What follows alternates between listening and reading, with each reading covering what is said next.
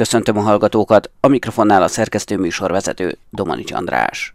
Nem a mobilozástól lesz hiperaktív a gyerek, hanem fordítva, az izgőmozgó gyerek többet fog mobilt használni, derült ki az ELTE etológiai tanszéken működő alfa generáció labor legújabb kutatásából. A hiperaktív gyerekeknek éberségi szintjük fenntartásához folyamatos ingerlésre van szükségük, amit a videók és a videójátékok pörgős, színes inger kavalkádja biztosít számukra.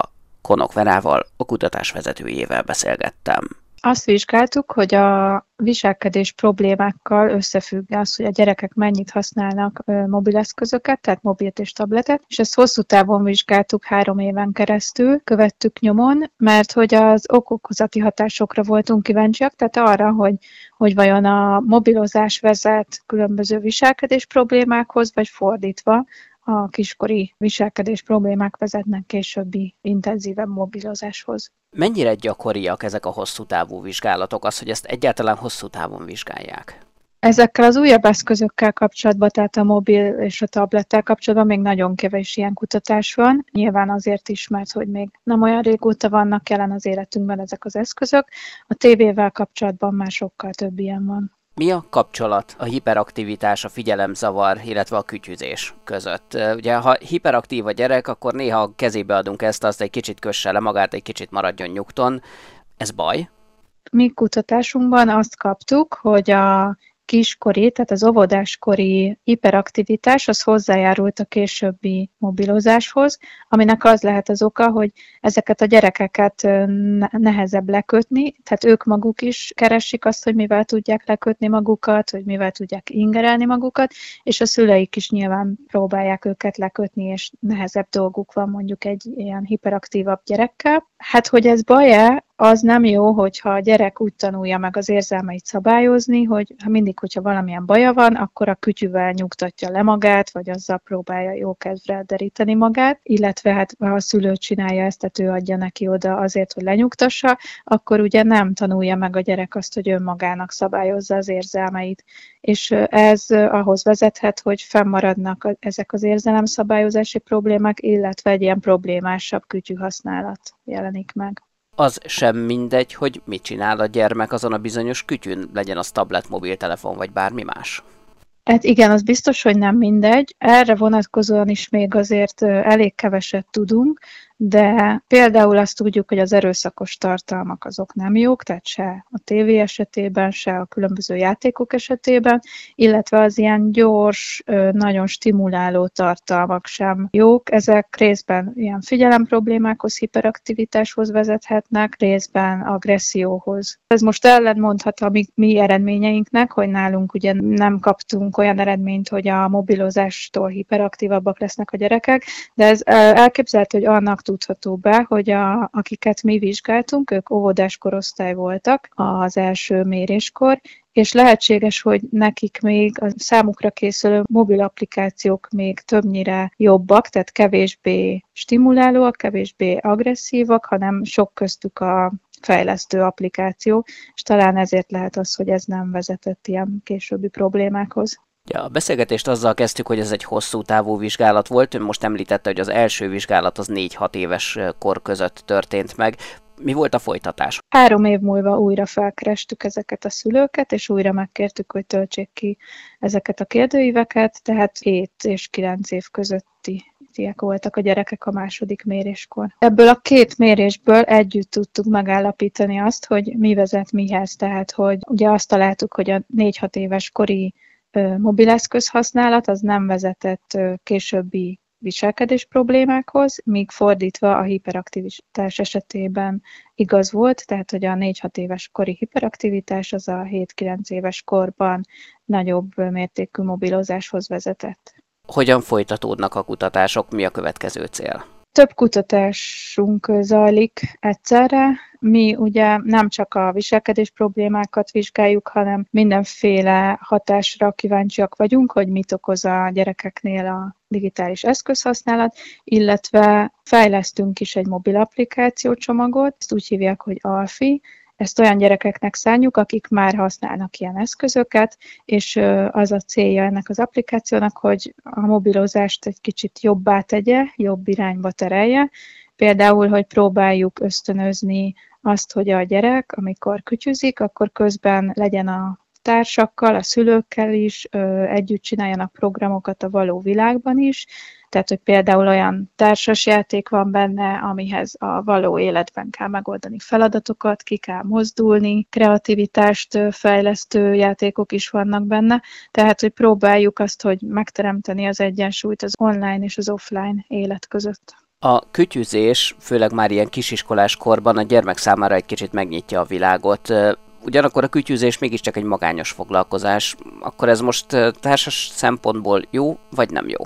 Hát társas szempontból inkább nem jó, mint jó, mert hogy valóban ez nagyon gyakran egy magányos tevékenység, szemben például mondjuk a tévénézéssel azt azért sokkal gyakrabban szokta együtt csinálni a család, tehát emiatt is úgy terveztük ezt a mobil applikációt, hogy ez próbálja egy kicsit a társas tevékenységre is ösztönözni a gyereket, hogy ne ennyire magányos és elszigetelt legyen. Ezen kívül azt találtuk, hogy kisiskolás korban kapcsolat van a kortárs kapcsolati problémák és a mobilozás között, tehát hogy valakinek minél inkább vannak problémái a társas életben, tehát mondjuk minél inkább elszigeteltebb, nem jól jön ki a társaival, annál többet használ mobilt vagy tabletet. Itt az okokozati hatást nem tudjuk, mert ez ugye kisiskolás korban jött ki ez az összefüggés, tehát lehetséges, hogy a mobilozás elszigeteli őket, és amiatt lesznek problémáik, de az is lehet, hogy akinek már eleve vannak ilyen problémái, az könnyebben fordul a mobilozáshoz. Említette, hogy a kutatások folyamatosak, lehet jelentkezni is önökhöz? Igen, lehet hozzánk jelentkezni. Több kutatásunk is zajlik, illetve indul majd a közeljövőben. Ezek között van olyan, ami kérdőíves, van olyan, ami online teljesen, tehát videóhívás keretében történik, és vannak olyanok is, ami személyes megjelenést igényel, és a honlapunkon, a www.alfageneráció.hu-n, illetve a Facebook oldalunkon is találnak erről információkat. Sigma, a holnap világa. Körlevélben figyelmeztette az országos tisztifőorvos a budapesti egészségügyi intézményeket arra, hogy egyre gyakrabban észlelnek Magyarországon fertőző májgyulladást, azaz hepatitis A fertőzést a pacienseknél. A betegségről Ócsai Lajossal, az Országos Tisztifőorvosi Hivatal járványügyi részlegének korábbi vezetőjével beszélgettem. A hepatitis A a fertőző mágyulladásnak az egyik fajtája, amely egy hosszú lappangási idejű, tehát 15-30 napos lappangási idővel rendelkező enterális fertőzés, tehát a gyomor és bélrendszernek a fertőzése, ami annyit jelent, hogy széklet útján terjed, és a székletnek valamilyen formába, valamilyen körettel gyakorlatilag a szájba kell kerülni, hogy a fertőzés kialakulhasson. Hogyan terjedhet így egy ilyen betegség? Ez általában nem megfelelő ivóvízzel, nem megfelelő étellel, vagy tekintettel arra, hogy nagyon kevés, tehát kis mennyiség kell a székletből, mert nagyon magas síraszámba tartalmazza a vírusokat, tehát a széklet a, akkor, amikor intenzíven ül a szervezetből, akár kontaktúton is tud terjedni, de sajnálatos módon ez a fertőzés szexuális úton is tud terjedni, amennyibe erre megfelelő a technológia. Van-e gyógymód rá, illetve mik a tünetei ennek a betegségnek?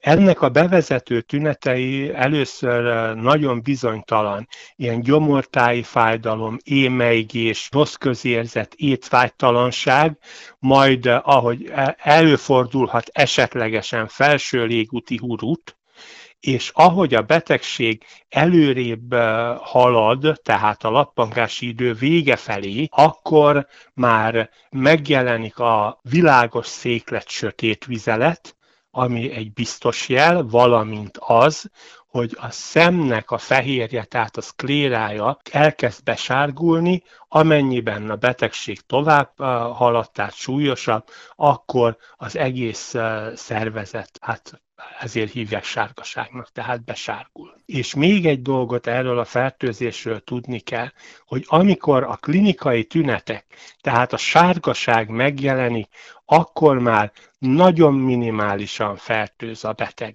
A fertőzés a legintenzívebben a sárgaság megjelenése előtti egy hét, tíz napba következik be, akkor ürül a széklettel a szervezetből a legnagyobb mennyiségű vírus. Beszéltünk arról, hogy hogyan fertőz, hogyan lehet megelőzni a fertőzést. Hát a megelőzés ugye megfelelő ivóvízbiztosítása, megfelelő konyha technológia, a megfelelő higiénés magatartás, tehát a kézmosás, a fertőtlenítés a környezetünkbe, ezek olyan kulcsmomentumok, ami a megelőzést nagy mértékben elősegíti. Egyetlen egy dolgot ennél a betegségnél meg kell jegyezni, hogy itt a gyerekeknek a természetes átvészeltsége Magyarországon gyakorlatilag minimális, mert nagyon jó volt a járványügyi helyzet, tehát természetes átvészeltség nincs. Itt a nagy veszély abban rejlik, hogy amennyiben rossz szociális körülmények között élők közé, gyerekpopulációba ez a vírus bekerül, akkor bizony nagyon komoly járványokat tud okozni, és nagyon komoly megbetegedési hullámot tud kiváltani. Ezt miért mondom? Mert kezdődik az iskola szezon. Az iskolások ugye az a korosztály, aki nem fertőződött át. Védőoltva nincsenek, mert a kötelező védőoltási rendben ez a védőoltás nincs benne, annak ellenére, hogy kétféle védőoltás is elérhető. TB támogatás nem jár hozzá, tehát ez pont a szociálisan rászoruló körébe nem hozzáférhető, tehát a vakcina, és általában a gyerekpopuláció pedig a higiénés rend követésébe és a higiénés rend feltartásába általában nem egy élenjáró társaság, és arról nem is beszélve, hogy az iskolákba nem is biztos, hogy a megfelelő kézfertőtlenítésnek és a kézmosásnak a, a feltételei mindenhol adottak. Gyerekeknél a fertőzés általában enyhe formában zajlik le. Tehát minél előrébb haladunk a korba, a fertőzés annál súlyosabb, hát ugye annál több pofont kapott már a máj életébe, tehát annál nehezebb lefolyású a megbetegedés. A gyerekeknél még az jelent rettentő nagy veszélyt, hogy a gyerekeknek körülbelül 80%-a gyakorlatilag tünetmentesen vészeli át a fertőzést, viszont ez nem jelenti azt, hogy nem fertőznek. Tehát ők ugyanúgy ürítik a vírus, csak a tünetek nem jelennek meg olyan mértékben, hogy ezt betegségnek ítélnék meg. Legfeljebb egy rossz gyerek egy kicsit jól viselkedik, és ezzel túl van a megbetegedése. Tehát nem sárgul be, és ez miatt iskolába járni fog, és a fertőzés láncolata fönt marad. Sigma, a holnap világa.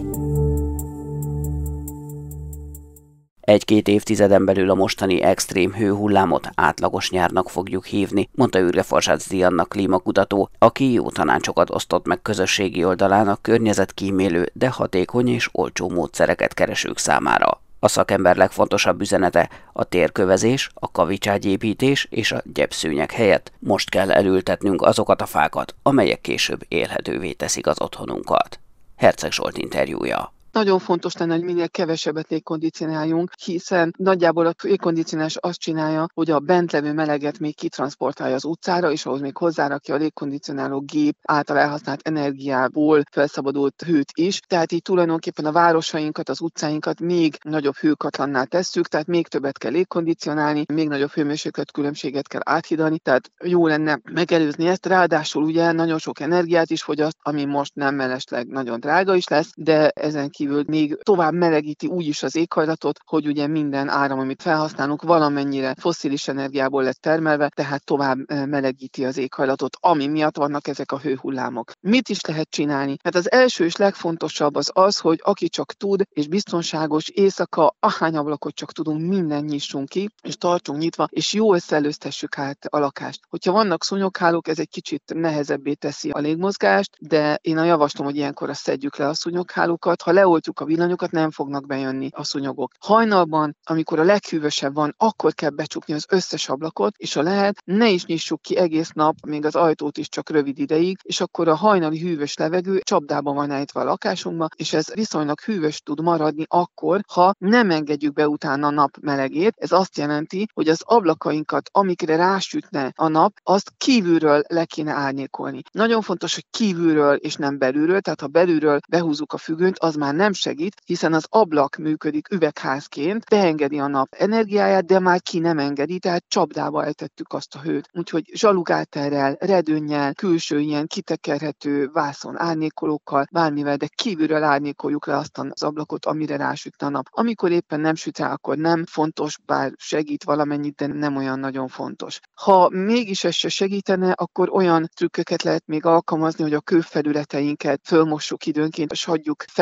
felszáradni, hiszen a párolgás az hűt, és emiatt például, ha mosunk, jó ötlet mondjuk reggel mosni, és aztán kiteregetni a lakásba a ruhát, az is, ahogy szárad, az elvonja a hőt a lakásból, és hűt. Télen ugyanemiatt inkább kint szállítsuk a ruhákat, mert különben a fűtési energiát használjuk el. Ha még így is nagyon melegünk van, érdemes ezeket a kis szórófejes spréket, amik mi meg tudunk tölteni vízzel, 300 forintért is lehet kapni. Ezt mindig legyen nálunk a táskában, a ridikülbe, hátizsákban, mert akár egy tömött buszon, akár egy villamos megállóban tudunk ilyen párakaput magunkra alkalmazni, tehát egyszerűen magunkat befújjuk ezzel a nagyon finom vízpermettel, és ez is nagyon kellemesen tud azért hűteni, hogyha már nagyon melegünk van. Akinek van kertje, az jobban teszi, hogyha elfelejti a Magyarországon egyébként elég divatos betont, térkövet, rengeteg kavicságyást, ugye? Mert élhetetlenné teszi a kertet. Ez a legfontosabb, hogy jelen pillanatban a városi hősziget sokkal többet melegít nekünk, mint az éghajlatváltozás, vagy akár egy hőhullám, akár 20-30 fokkal is melegebb lehet egy olyan helyen, ahol térkővel, különösen a sötét aszfalt, az az, ami nagyon erősen melegíti a környezetünket. Képzeljük el a mostani hőhullámokat. Egy-két évtizeden belül ez lesz a hideg nyár, és ezt nem csak úgy túlzásból mondom, hanem konkrétan az éghajlati modellek előrejelzés alapján, vagy legalábbis ez lesz az átlag nyár hamarosan. Tehát az, hogy azokban gyorsan ne kapjunk hőgutát. Nagyon fontos, hogy most el kell ültetni azokat a fákat, amik kívülről árnyékolják a há- az épületeinket, a házainkat, az ablakainkat, különösen azt a részt, amire rásüt a nap, hiszen az egyetlen, ami tényleg hűteni tudja a környezetünket, az a fa, hiszen a fa párologtat, és a párologtatás az egy hűtőhatás van. Minél nagyobb a levélfelület, minél több levél van, annál erősebb ez a hűtőhatás. Nyilván múlik azért azon, hogy mennyire van kiszáradva már a talaj, viszont a nagy fák azok azok mélyről tudják felszívni a vizet, tehát akkor is, ha egy felszíni asszály van, akkor is ők még sokszor mélyen találnak vizet, és tudnak hűteni nekünk. Tehát ezért fontos nagy fákat most elültetni, és nem lecsonkítani folyamatosan mindenhol látjuk, hogy csonkítják és díszfákat csinálnak, ezek nem fognak nekünk hűteni. A gyep se igazán hűt, a bokrok se, tehát igazából csak a nagy fák hűtenek. A térköveket is el kéne felejteni, helyette gyeprácsköveket tegyünk, tehát ami között megmarad a zöld növényzet, be tud szivárogni a csapad hulladék, ez nedvesen tartja a környezetünk talaját, tovább segít a növényzetnek körülöttünk, hogy tudják hűteni a lakóhelyünket. Hogyan lehet spórolni a vízzel? A Facebook oldalán azt olvastam, hogy önök például otthon lavort tesznek a csap alá, így gyűjtik össze a használt vizet. Pontosan mi lavort, vagy inkább most ilyen nagy vödröket teszünk oda, például a mosogatóhoz, de most amikor ennyire szárazság van, akár az zuhany mellé is teszünk ilyet, és így felfogjuk azt a vizet. Nyilván, ami nagyon vegyszeres, azt nem, de mi próbálunk azért úgy általában ökológiai lebomló mosogatószereket használni, vagy tisztálkodószereket, tehát ezeket nyugodtan ki lehet vinni a környező fákra, bokrokra, és ráönteni, és ezek tényleg meghálálják azzal, hogy ezt ugye visszakapjuk hűtőhatásként, hiszen ők ezt felszívják, és elpárol forogtatják, és azáltal hűtik a környezetünket.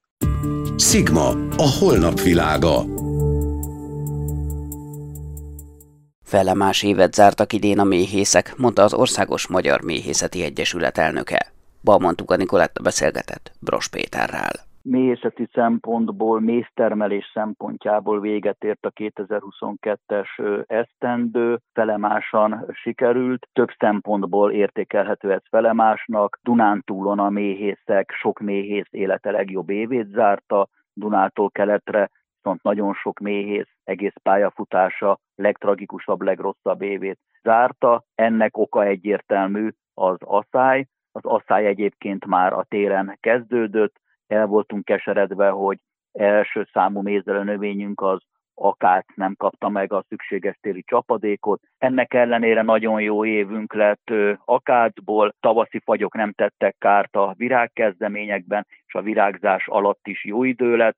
Körülbelül idén annyi akácméz termet, mint az elmúlt két-három évben összesen. Idén termett akác mennyiségét nehéz megmondani, de kb. 15 ezer tonna akác várja az eladást, viszont az akác mézelése után jött az aszály, nyári mélegelőn közül egyedül az ezüsthás mézelt úgy, hogy a méhészek szintén meglepetésére jó eredmény született, de akár a facélia, a szelidgesztenye, az olajretek, a sejemkoró lehetne még sorolni a nyári mélegelőket, szinte semminek, tehát nem adtak. Majd július legelején kezdett virágozni a legnagyobb területen tenyésző növényünk a napraforgó, mely az asszály miatt alig adott mézet, pontosan az akáccal ellentétben a vegyes virágméz termésünk, a napraforgó termésünk körülbelül harmada negyede lett mindegy átlagos évben. Ez azért is különösen elszomorító, hiszen a nemzetközi piacon szintén hiány van természetes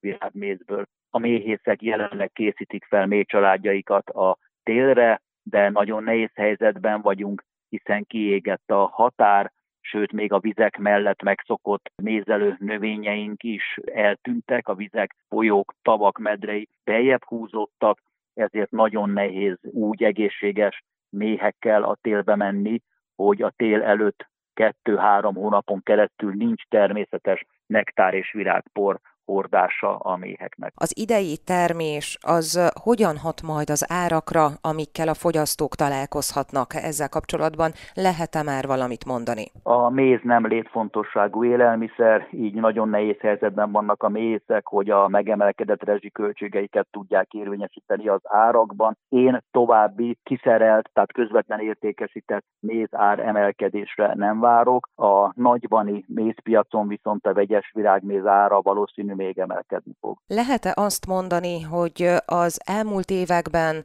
sokkal kiszámíthatatlanabb volt, nehezebb volt a méhészek élete, tevékenysége? Gondolok itt arra, hogy érzékelhető-e már a klímaváltozás hatásai és az azok okozta bizonytalanság? Ez abszolút így van. Az elmúlt 10-20 évben folyamatosan tapasztaljuk mi méhészek, hogy a 60-as, 70-es évek eredményeit nem tudjuk elérni. Nem csak termés mennyiségben maradunk el, hanem még családok minőségében is. Tehát a még családok sem olyan életerősek, ez alatt azt kell érteni. Régen akár 80 ezer még egyed is volt egy még családban nyár folyamán. Az elmúlt években nem érjük el az 50-60 ezeres egyedszámot, tehát egyre bizonytalanabb, kiszámíthatatlanabb ez a szakma.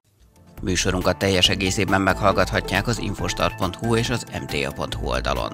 Búcsúzik Önöktől a szerkesztő műsorvezető, Domani András.